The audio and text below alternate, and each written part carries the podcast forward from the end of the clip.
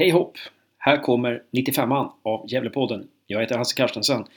Det här är en segerpodd. Vi har tagit 7 poäng på tre matcher och idag, inklusive dagens seger mot Gais 1-0. Vi spelade inte bra, särskilt inte i den andra halvleken. Vi blev utrullade stundtals och vi hade ganska statiskt anfallsspel. Men vi kämpade och det är mycket värt. Fula segrar kan faktiskt betyda någonting på sikt. En segersvit kan ofta startas igång genom fula segrar. Låt oss hoppas att det är det det här gäller, att det här är början på någonting. I den här Gävlepodden så kommer en intervju först med Boskorovic, Gais tränare, som mycket snällt, trots stor irritation efter förlusten, ställde upp på ett snack i några minuter. Därefter snack med Mackan Bengtsson, en betydligt gladare Mackan Bengtsson, tidigare efter matchen intervjuer i podden. Stort tack även till Mackan att han ställde upp efter matchslut. Och så kommer ett snack med JB, Jesper Björkman, som blev utsedd av sponsorn till bäste man på plan, även om JB säger att han tycker att han, en annan spelare skulle ha fått priset. Och snack med Sarko, Stefan Sarkovic, efter matchen. Eh, ja, bra jobbat av hela laget och eh, jag ropar också vid tillfälle bra jobbat eh, Isak och det är till Isak Chase som kom där, gick förbi. Jag tycker att Isak Chase var fruktansvärt bra idag tillsammans med många andra. Kämpade och kämpade. Men jag hoppas att spelet blir bättre mot Värnamo. Vi måste ju vinna den matchen också. Den går om exakt 14 dagar, nämligen måndagen den 22 oktober. Då hoppas jag att vi spelar lite rakare och eh, men med samma, samma uppoffrande försvarsspel. Men det är inte nog med det. I sist i den här podden så kommer ett snack med Robert Strid, den klassiska mittbacken i GIF som spelade i Gävle IF mellan 99 och 2003 och som gjorde så otroligt stort avtryck. Den får ni inte missa. Så nu kör vi! Här är 95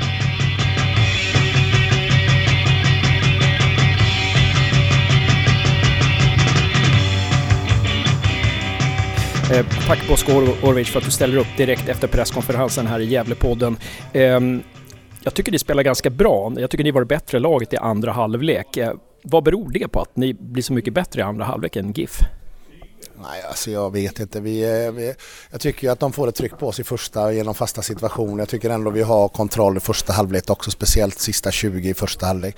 Sen i andra halvlek så tar vi över fullständigt men jag vet inte, jag, jag blir bara så trött. Jag är bara trött ibland. Vad tanken med dubbelbytet där i andra halvlek när bland annat Juric gick ut, eh, hur, hur resonerar ni då? Nej, Juric var ju trött eh, och vi visste att han skulle tröttna runt där. Och, eh, det var inga konstigheter i det. Vi vill fortfarande ha tryck och lite mer djupledsord från nummer 10-rollen. Och det fick vi också. Vi skapade tillräckligt många chanser för att vinna den här matchen med 3-4-1 om de nu gör mål i slutet. Men Eh, så det var det enda som var tanken. Det var inte en offensivare tanke på något sätt utan det var bara ett mer djupledshot från, från tia-rollen. Det kändes som i andra halvlek att ni, ni hade ja, snackat och eh, att ni la om spelet en aning där. Vill du, vill du berätta lite om eh, vad ni hade snackat om? Nej, men alltså de, de gick ju in för att stänga spelyta 2 mer än vad vi trodde att de skulle göra och då jagade vi spelyta 3 istället. Så att det var mer de grejerna vi ändrade om bara, där vi blev lite mer direkta från, från tidigare lägen. För oss som är inte så bra på fotboll som du, vad betyder spelet, spelyta 2 och 3? 2 är mellan mittfält och eh, forwards och 3 bakom backlinje. Rättare sagt mellan backlinje, spelyta 2 är mellan backlinje och mittfält, så jag ber om ursäkt. Och så spelyta 3 bakom backlinje. Var det någonting i Gävles spel som förvånade dig? Det var dels den grejen eh, defensivt, var det någonting mer som förvånade dig? Nej, vi eh, visste att det var ett omställningslag och är väldigt starka på båda kanterna i sitt omställningsspel. Men de kom ju till eh, en omställning och de gjorde mål på den och det, det är som det som eh, när man ser ur Gävle-ögon så tycker vi som var på läktarna att Gävle spelar väldigt mycket ute på kanterna vilket gör ganska, dem ganska lättlästa. Är det, vad säger du om det? kommentera inte dem. Det är ingen idé att kommentera dem. Jag, de förlorar, jag förlorar matchen och jag tänker inte kommentera vad, vad de gör bra eller dåligt. Det gör jag inte. Eh, någonting som Gävle gör bra tycker du? Ja men deras omställningsspel. Det är väldigt farligt, det är väldigt giftigt. Jag tycker att det går lite långsamt. Ert omställningsspel var ju bättre tycker jag.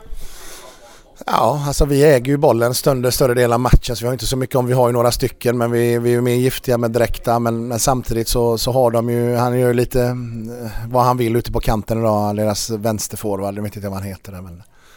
Eh, Kralj eller Bergmark Wiberg? Ja, han, ja. han eh, kommer runt för lite för lätt tycker jag men de, de är duktiga någonting som ni hade kunnat göra, eh, alltså det kanske är svårt direkt efter matchen, men någonting i anfallsspelet så, som, eh, om du fick spela om matchen, någonting, någonting som du hade gjort annorlunda i anfallsspelet? Ja, men vi skapar ju så många målchanser så att vi ska göra mål bara. Det är ju det det handlar om. Fotboll går ut på att göra mål. Det är ju det det handlar om. Och jag menar om vi skapar, vi har 6, 7, 8, 9 solklara målchanser har vi. Och vi gör noll mål. Eh, supertack. En sista fråga. Det, det når oss att Poja har fått sparken från IFK Göteborg. Är det någonting som förvånar dig? Jag har ingen aning. Alltså, jag vet faktiskt inte. Men det skulle förvåna mig om man har fått det. Så kan jag säga. Stort tack på Skorovic. Hoppas ni, hoppas ni får en, en bra hemresa nu trots förlusten och att eh, det går bra i fortsättningen. Tack så mycket. Ha det gott. Tack detsamma.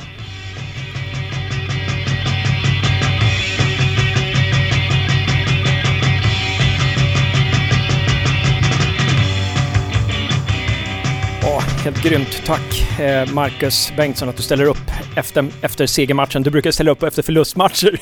så, eh, så. Konsekvent. Jag är konsekvent i mitt uppställande. Stort grattis till segern. Tack så mycket. Um, ja, hur gick dina funderingar under matchen? Vi tar första halvlek först. Hur gick dina funderingar där? Vad ni ville åstadkomma och hur det blev?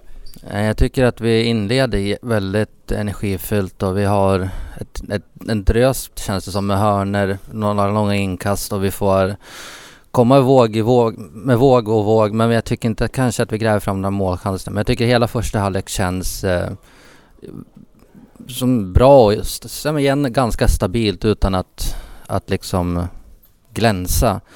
Sen andra halvlek så får vi lite tufft att få ihop grejerna där i början av första halvlek och eh, guys trycker på ganska länge men det känns som att vi fredar oss bra. Sen gör ju August en fantastisk match och eh, ju närmare matchminut 70-73 som kommer så känner vi att vi, vi orkar och de blir slarvigare i att jobba hem och eh, till slut så får vi en, ett omställningsläge som Adam gör oerhört bra på ett fantastiskt avslut och eh, sen så handlar det mer om att se ut tiden och eh, det gör de med bravur både backlinjen och August igen. Det kändes som Gais kom ganska starkt där i andra halvlek. Alltså det, eh, eh Boskorovic pratade lite om eh, ja, att han tror att han, eh, han var förvånad över att ni stängde, det var en yta där som han var förvånad över att ni stängde. Att han trodde ni skulle stänga tre och ni stängde två. Jag tror att det var så han eh, pratade om det, men i alla fall. Eh, men, men eh, hur upplevde du att Gais förändrade sitt spel i andra halvlek? Jag tror mer att det var lite desperation. Det kändes redan i slutet av andra halvlek att de, de var väldigt frustrerade. Dels över matchbilden men också över spelet kändes det som. Och de gick för att all in liksom för att få till poängen och de har ju några jätteskickliga spelare som vi får kämpa för att få, få tag i det. Men och till slut så, ja, vi har ju lite flyt måste man säga men det får man ju också av att man har jobbat väldigt hårt ihop och uppoffrande försvarsarbete. Då får man till slut marginalerna på sin sida. Har man sett Orlov göra mål på sista sparken borta i Jönköping så kanske man förtjänar att få lite flyt ibland.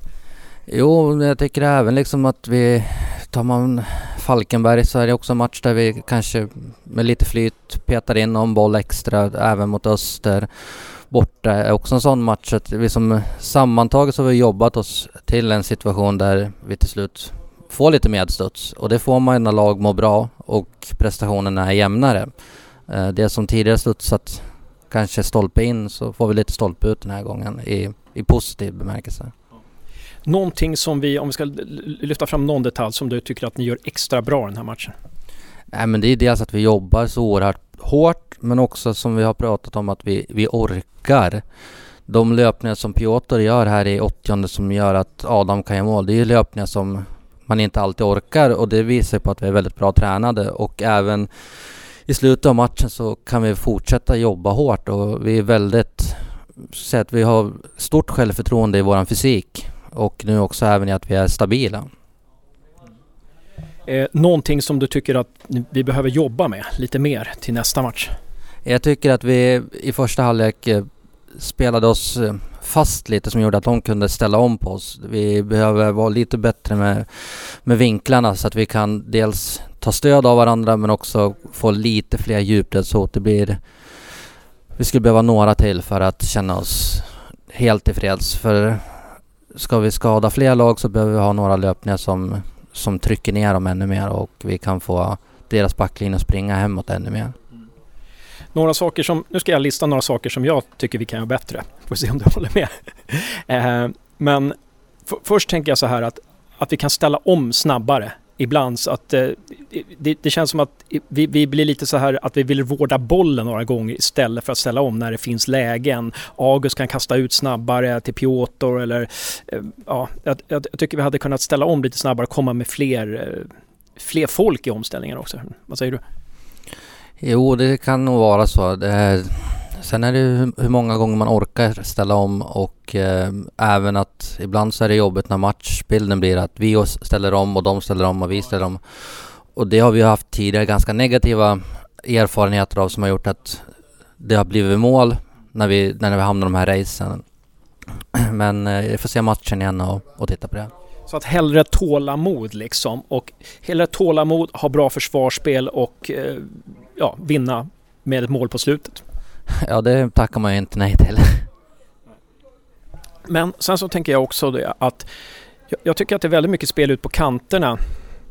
Jag tänker, ska vi hot, alltså att det blir lite, vi blir lite lättlästa där, alltså att vi skulle behöva anfalla centralt ibland också för att liksom öppna upp motståndarna. Vad säger du om det?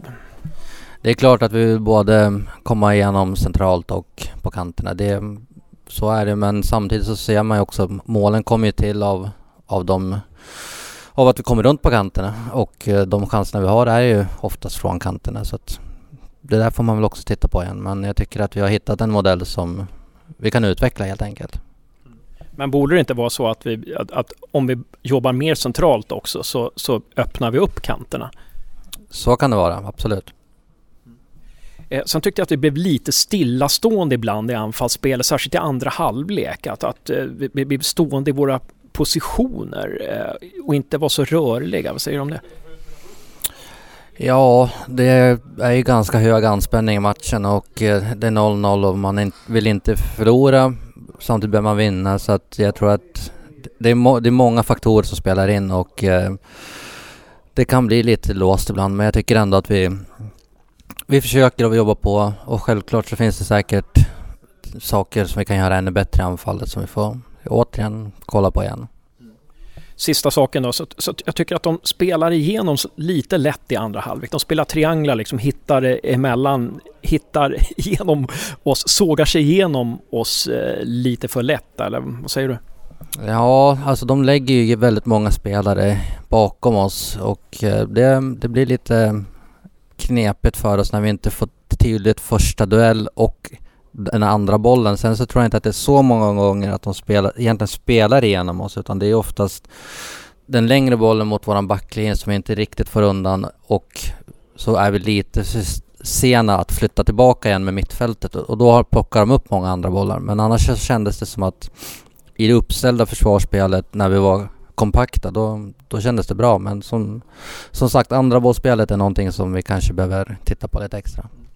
En spelare som vi nämns väldigt sällan efter våra matcher, det är Isak Chase. Eh, Ortmark tycker jag gör en jättebra match, men Chase tycker jag, jag, jag tycker det är härligt på slutet att han offrar sig så helhjärtat liksom, inte tänker på eventuella skador utan han, han ska först på bollen. Det var härligt att se. Jag vet inte om du gjorde den iakttagelsen också. Jo, det är där när vi, jag vet inte om det är en hörna eller ett inlägg som kommer ut igen i andra boll och så flyger han fram och eh, Isak ger oss som sagt det är något som vi, som vi saknar och det är just det där lilla extra i duellspelet och han gnuggar stenhårt i 90 minuter. Det är inte alltid sånt som, som alla ser men han gör ett oerhört jobb för att hålla ihop laget och jobbar, jobbar in bollen i laget också. August håller nollan och eh, gör kanske sin bästa match i GIF-tröjan. Ja, det var en fantastisk match igen. Han har gjort några tycker jag ändå som... Han har, har hittat en väldigt bra och jämn nivå. Ja, men eh, det är en match i taget nu som gäller antar jag och det är Värnamo nu. Är det väl, vad är nästa match för någonting? Är det Värnamo borta den 20 där? Det är Värnamo borta så är det ett litet landslagsuppehåll här nu så det, det blir ett litet break och det är skönt att, att ha tre poäng in i, det, i den vilan. Har vi någon avstängning där inför den matchen eller? Uh, jag tror inte vi, jag vet inte, var guld på August. Jag tror inte att det var några fler idag. Kan ha varit det. Uh, Ortmark har för mig fick gult också. Han har, han, då kan han ha fått sina andra. Så att det är inga avstängningar. Eh, stort tack eh, Marcus för att du ställde upp och eh, jättegrattis. Tack så mycket, grattis själv. Vi ses i Värnamo. Det gör vi. Ha det bra.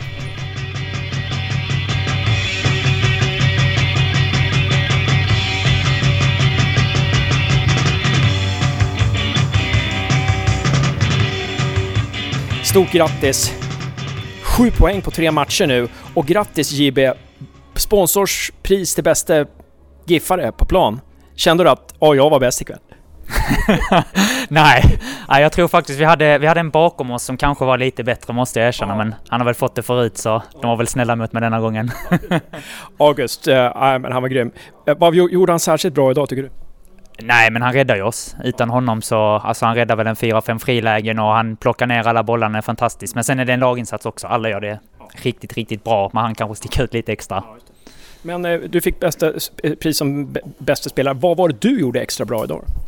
Eh, nej, men det var väl att jag var styrde där bak och de satte sina hörnor på mig så jag fick bort dem och det blev väl viktigt eftersom de satte lite tryck på oss på det sättet. Men eh, överlag så var det liksom en laginsats. Blockade åtta bollar i en 10 minuters period, kan, kan du säga det i podden? Vad, vad gjorde du? sa någonting här nu, Malin Roos. 10 minuters period så blockade JB åtta bollar. Helt magiskt. Ja. Helt suveränt. Um, och uh, hur var Gais att spela mot, tycker du, Sarko? Det är ett bollskickligt lag med, med deras tränare Borskan har den filosofin mycket, alltså öppna upp motståndarna och han, han, gjorde det bra. De kom in framför mig och JB då och, men eh, de saknar skärpan den sista tredjedelen där. För dåliga forwards helt enkelt? Nej, oflyt kanske. Jag ska inte prata skit om några andra lag nu man är lite, precis som ni är man lite så här, man är lite galen så här efter, efter segern så man, man vet inte vad man säger riktigt. Men, men, eh, men hade ni, vad hade ni pratat om inför den här matchen? Vad var viktigt i försvarsspelet? Nej men det var väl att hålla dem utanför oss. Vi vet om att det är ett skickligt lag som vill spela mellan oss. Så håll dem på kanterna för vi har blivit starka i vårt försvarsspel på, på inläggsspel och så, så det vet att vi klarar av. Nej, så det var väl speciellt det vi hade fokuserat på. Sen var det liksom att fortsätta med våra omställningar, där är vi väldigt starka. Eh, komma in, liksom hålla trycket uppe på, inte spela hem liksom, utan fortsätta framåt när man väl har kommit förbi första, första pressen. Mm. Um, och uh, vad, vad... Någonting mer som ni har tränat på som funkade idag? Ja, det, alltså, det var väl vara kompakta och låta dem, vi visste att de skulle fuska med mycket spelare och så skulle vi utnyttja ja, deras bolltapp och det var så vi gjorde målet. Vi kom, eh, vad var det, en 6 mot 3. Mm. Och så det funkar ju. Det är vi att träna på. Precis, precis. Eh, någonting som ni behöver bli bättre på? Ska vi låta Sarko få ta den bollen? Någonting, bra jobbat! Mm. Um, någonting som ni, jag sa till Isak där. Du var bra, väldigt bra idag Isak! Helt grym! Grymt bra! Um, Någonting som ni behöver bli bättre på? Var jag inne på den frågan? Uh, Sarko? Uh, det är väl eh, vårt eget bollinnehav, att uh, få mer lugn i spelet, trycka ner dem, lite mer passningar och ja, och sen bli mer distinkta i grejer vi gör. Det var mycket bolltapp idag. Men slå in dem när vi får dem på kant, slå in dem i box. Vi, vi har ju Almir, fantastisk boxspelare, Adam också. Det är bara att mata in dem när vi kommer ut där så att vi får mer alltså, avsluta anfallen istället för att åka på de eh, kontringarna vi fick göra nu idag. Jag sa till eh, Mackan precis att jag tyckte att eh, ni eh, eh, vad sa jag för någonting? Nej men att jag, jag, tycker ni spelar mycket på kanterna, borde inte anfalla lite mer centralt? Nu är ni försvarsspelare och inte kanske... Såja! säger, säger Gussman och spräcker hela utrustningen här. eh, men borde ni, inte, borde ni inte anfalla lite mer centralt också? Liksom? Det, det, är väldigt mycket ute på kanterna, borde man inte anfalla mer centralt för att liksom, eh, ja, liksom locka, lo, locka förhåll... Det blir så lättlöst om man bara kör kanterna. Eh, ja, alltså man märkte att de hade scoutat oss och stängde lite mer mot kanterna, men samtidigt är det där vi kommer igenom till slut. Vi har ju extremt starka kantspelare. Vi spelar med två yttrar och två ytterbackar, så vi har ju mycket spelare i de positionerna som är duktiga. Eh, såklart vi ska utnyttja det. Sen ska vi få Admi mer involverad, men eh, det kommer av att de stänger våra kanter, så det kommer komma om vi fortsätter spela det spelet. Nu är, nu är det... Eh, så, och sen så kanske lite stillastående där i andra halvlek. Vad säger du Sarko? Ja, jo det blir det ju men eh, alltså det blir väl så när, när vi ligger där vi ligger. Vi har inte självförtroende med oss. Eh, det hade varit annorlunda om vi låg uppe i toppen. Då hade det mer självförtroende och det, det är den lilla biten som saknas bara. Är det. Mm. Vad, vad kan man säga är an, kan man säga att någonting är annorlunda de här tre matcherna? Ni har tagit sju poäng på tre matcher, så mycket har ni inte tagit på hela säsongen. Vad är annorlunda? Kan man sätta fingret på det? Nej men alltså en grej som är annorlunda är väl att vi jobbat mycket med gruppdynamiken här. Eh, fått en grupp som verkligen jobbar för varandra och brinner för det här och vi har, vi har bestämt oss för att alltså, vi ska klara det här, vi ska ge allt för att lösa det. Och det tycker jag syns ute på planen att folk kastar sig för varandra, folk täcker upp för varandra, tappar någon boll så är alla där bakom liksom och täpper till och det är väl där jag tycker vi har stegrat upp det mest. Men jag ska vara helt ärlig, för spelmässigt så är vi inte alltid fantastiska, men vi är fantastiska på att jobba varje, varje match. Ja men bra, bra. Och nu har ni spelledigt i 14 dagar ungefär, eller 13 dagar eller vad det är för någonting. Nej, det tror jag att det är 14. Jag tror att det är måndag mot Värnamo. Ehm, fördel, nackdel? Det är väl äh, återhämta kropparna. Äh, det är väl den enda fördelen. Och det är ju tråkigt att vi går på uppehåll när vi har ett sånt flow. Det kanske förstör också, det vet man ju inte. Eller så kanske det blir bättre. Det, det får man ju se mot Värnamo. Nu har ni mött, nu har ni mött idag, idag ett lag som har någonting att spela för och ni möter Värnamo som har någonting att spela för. Kan det vara bättre att möta de som är i mitten av tabellen som inte har något att spela för? Ja, alltså man säger ju det, men det är alltid de som ändå liksom överraskar, för de, de bara kör liksom. Det blir lättare för dem att spela helt utan press. Uh, så det kan vara farligt också. Så det, det, är jättesvårt att säga, men all fokus är på Värnamo nu och det kommer bli en, serie, alltså en final för oss kommentar. Eh, det, enligt tidningsuppgifter har Poja precis fått sparken från IFK Göteborg. Um, har ni någon kommentar på det? Uh, väldigt tråkigt för Poja. Jag älskar Poja som person, som tränare och det, det, det är fotboll. Det är tråkigt för honom men så är det i fotbollsvärlden. Mm. Vad säger Jibe?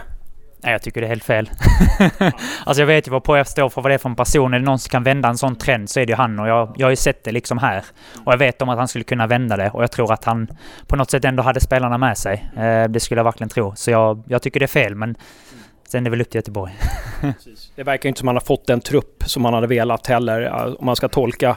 Ja, eh, eh, en sista fråga. Jag hade en sista fråga på gång här nu då. Vad fara var det för någonting?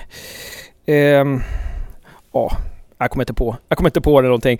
Eh, men, men eh, vad ska ni göra ikväll? Och det blir nog köpa något gott, ta det lugnt. Jag tror jag ska se matchen igen och analysera lite och se varför jag inte riktigt fick vårt bollinnehav som vi ville och se lite sköna räddningar och lite sköna blockar och nickar och allt möjligt och se vad vi gjorde bra och dåligt. Köpa god mat, vad är det för någonting? Kan kanske vara lite godis och någon läsk kanske. alltså ingen, ingen, inte, inte en McDonalds eller pizza alltså, utan något mer, lite mer... Nej, lite mer. Det blir ordentlig mat först och sen blir det något li, lite gott liksom också. Sarko, hur firar du? Gå hem och lägga mig och bara njuta av segern. Det är det enda. Ska du, ska du se om matchen? Det ska jag också göra. Ja, men helt grymt. Stort tack eh, JB för att du ställde upp. Ja, tack så mycket. Jättekul att vara med. Helt grymt Sarko. Tack, tack, tack, tack, tack. Ja, ha det bra. Tack så mycket. Hej då.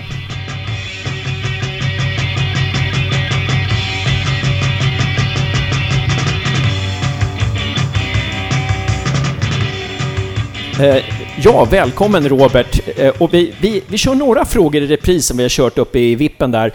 Eh, när man söker på ditt namn där på... Man googlar ditt namn så finns det olika uppgifter. Ibland stavar du med DH, strid med DH, och ibland är det bara D. Hur är, hur är det egentligen? Ja, egentligen så är det bara med D. Eh, det har varit DH på slutet, eh, men eh, jag får konfrontera min mor där. De sa det var någonting som de lag till där någonstans i början på 80-talet. Så att vi bestämde att nej, vi tar bort det helt enkelt. Det är enklare så. när man ska ut och resa så, där, så står det D i passet bara. Så att, det var ren enkelhet artistnamn helt enkelt, för, för, för karriären. Ja, tänk om man kunde säga det ändå. Nej, tram, jag bara tramsar till det där. Men eh, sen så var det så att jag- när, några gånger när jag bevittnade några träningar när, ni spel, när det var väldigt kallt ute så spelade alla i långbyxor utom du som spelade i kortbyxor. Eh, har, liksom, har du någon förklaring till det? Fick du, varför gjorde du det? Ja, jag gillar att spela shorts. Eh, ganska varm av mig. Eh, fryser sällan eh, och det, så är det fortfarande. Men just eh, när jag spelar, kom ihåg det. Och, eh, det var, jag har ju spelat så pass eh, långt tillbaka som vi hade knickers. Eh, faktiskt, och det är ju ett tag sedan. Eh, vi fick, jag fick uppleva grustiden. Men eh, nej, framförallt varmt tycker jag. Lite besvärligt att ha för mycket på sig. Så det är skönt att, att ha så lite kläder på sig som möjligt när man lirar. Fick du några tråkningar för det där någon gång? Att, att, du tränade i kortbyxor när det var som kallast? Nej, jag kan inte komma ihåg att jag fick det. Utan eh, nej, det var nog ganska okontroversiellt. Ja, precis. Det var, det var jag som var frusen helt enkelt. Det var så det var. Så det var. Men du, du kom ju till GIF då. Jonas Stark gick i Hammarby i slutet av 88, 98 menar jag. Och eh, ska inte gå allt för långt tillbaka i tiden. Och då så... Då, hur, hur, hur kom det sig att du hamnade i GIF? Vill du berätta lite? Ja, jag var i Västerås då. Hade spelat där i ett år och sen eh, på vintern där, jag hade, var inte ordinarie i VSK. Eh, Jag hade ju varit spelat sporadiskt egentligen, mycket cupmatcher spelade jag. Eh, Sen så på vintern där så hörde Pelle Olsson av sig. Eh, Vi känner ju varandra, jag är från Skutskär från början, så vi, jag har ju faktiskt haft Pelle som ledare i fotbollsskolan. Och eh, sen så, eh, så frågade han helt enkelt, eh, det var ju brist på mittbackar då, om det fanns någon möjlighet att kunna komma hit och spela då. Eh, så på två veckor så hade vi flyttlasset gått från Västerås, för det var en bättre tillvaro för mig. Eh, vi skulle få tillökning i familjen dessutom, så att eh, det passade alldeles utmärkt. Jo, jobbade du inom brandkåren som man säger redan på den tiden eller? Nej, det gjorde jag inte. Då höll jag på att måla faktiskt. Jag är målare i grunden. Men hur, hur var det då, 99 när du spelade? Fick man, fick man lön och sådär? Hur, hur, hur var det rent ekonomiskt? Ja, vi, vi hade lön, det hade vi. Den var väl tämligen blygsam skulle jag vilja säga, men det var några, några tusen lappar som drygade ut hushållskassan, absolut. Men eh, det var väl, jag kom ju från Västerås, där hade vi också lön ungefär samma nivå som, som jag hade när jag kom till, till Gävle IF. Eh, så att eh, visst, lite grann hade vi, men mycket, det handlar ju inte om det då, utan det var ju mer att det var fantastiskt roligt att spela fotboll. Och, samma sak som om man spelar division 4 eller 5, eh, omklädningsrumssnacket, mycket runt omkring socialt. Eh, kände du någon mer än Pelle? Kände du några i laget sen tidigare då? Nej, det kan jag nog inte säga att jag gjorde då när jag kom. Jag måste tänka att det är ju några år sedan det här. Så att, eh, nej, eh, utan jag var nog tämligen blank vad det gäller vänskap så. Hur skulle du beskriva det gänget som du kom in i? Ja, vi kan låta frågan vara så. Hur, var gänget liksom? Jag har tänkt lite grann på det där och jag tror att vi var, vi var många som var ungefär samma fas i spelarkarriären. På väg uppåt, in i någon form av elitsatsning.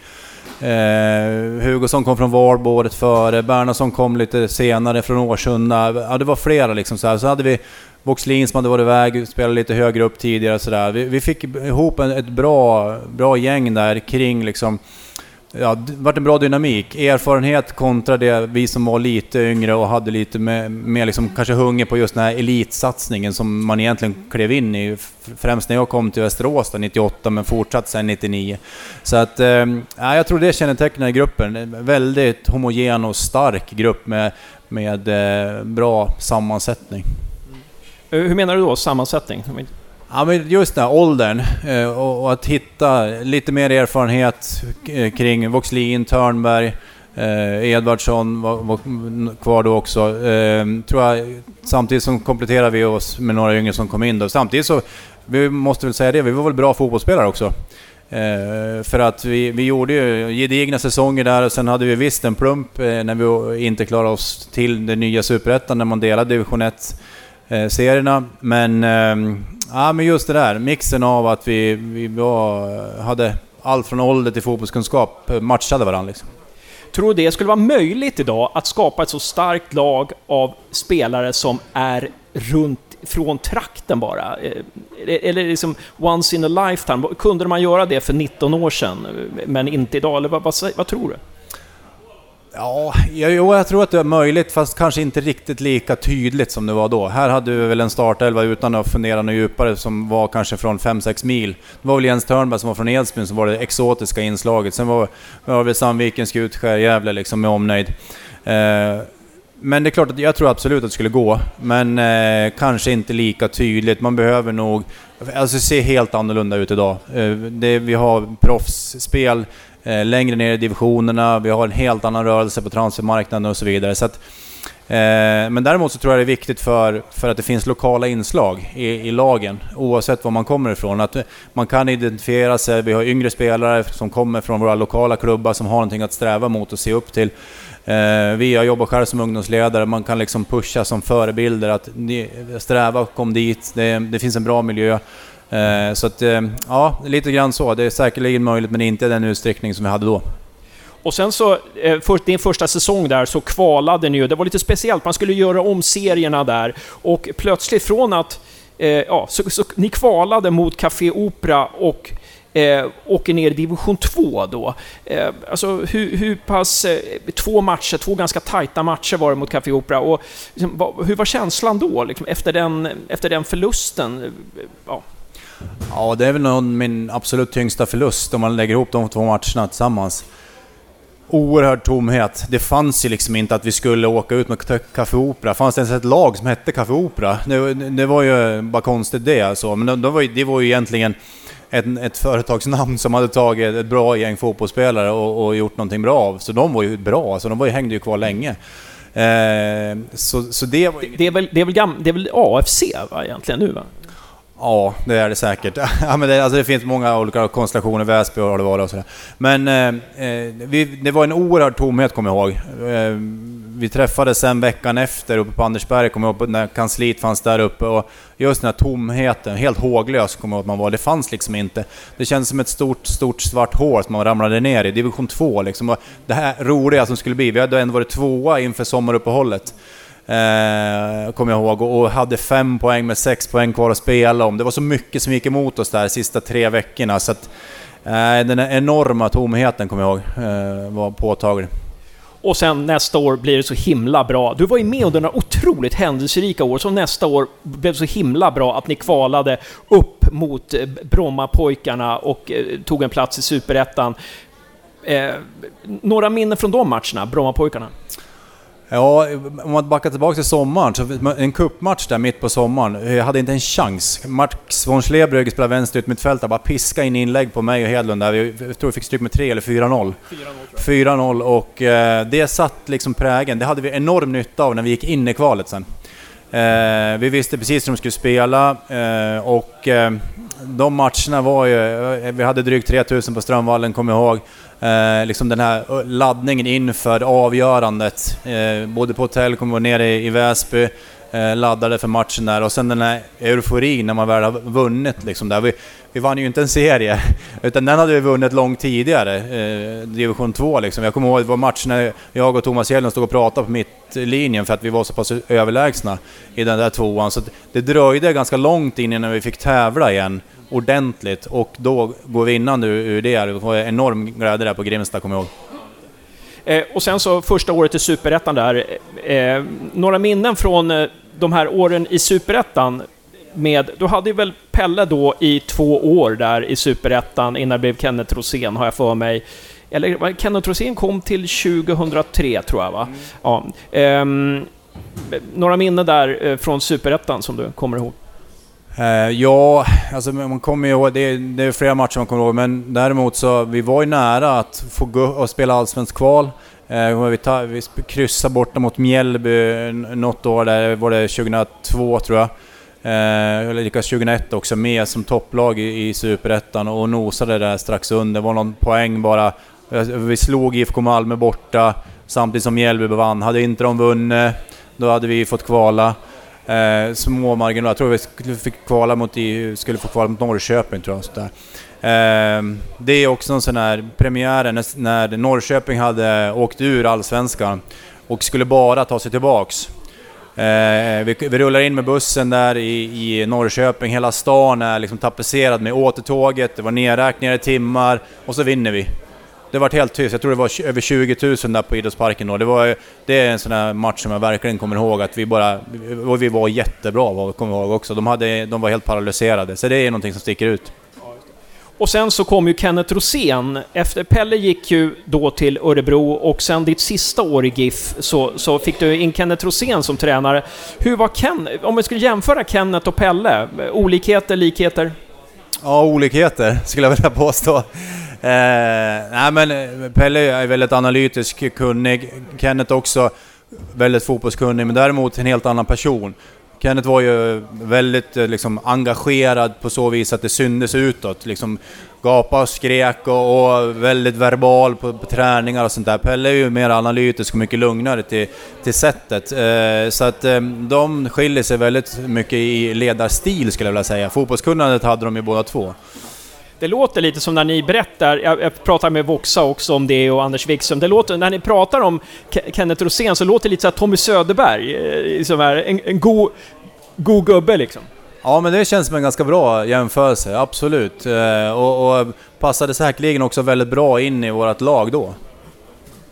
Ja, och eh, då, då var du med i... Hade, hade du kunnat tro då 2003, du, du, ja, du trappar ju ner ditt fotbollsspelande efter 2003. 2004 så kommer GIF tvåa i serien och går upp i Allsvenskan. Hade, vad, vad, vad, fanns det i det laget 2003 som, som liksom talade för att ni skulle gå upp i Allsvenskan året efter? Ja, det var väl egentligen kontinuiteten som hade varit under många år där. Vi hade varit och nosa på topplaceringar i Superettan. Jag tror att föreningen som sådant bör, hade börjat kunna tro på det här också. Att ja, men Allsvenskan är klart ouppnåeligt. Om man då tänker sig perspektivet att vi hade varit i tvåan då, 2000. Eh, så tog det några år tror jag, mentalt för föreningen att förbereda sig för att ja, det här är faktiskt möjligt.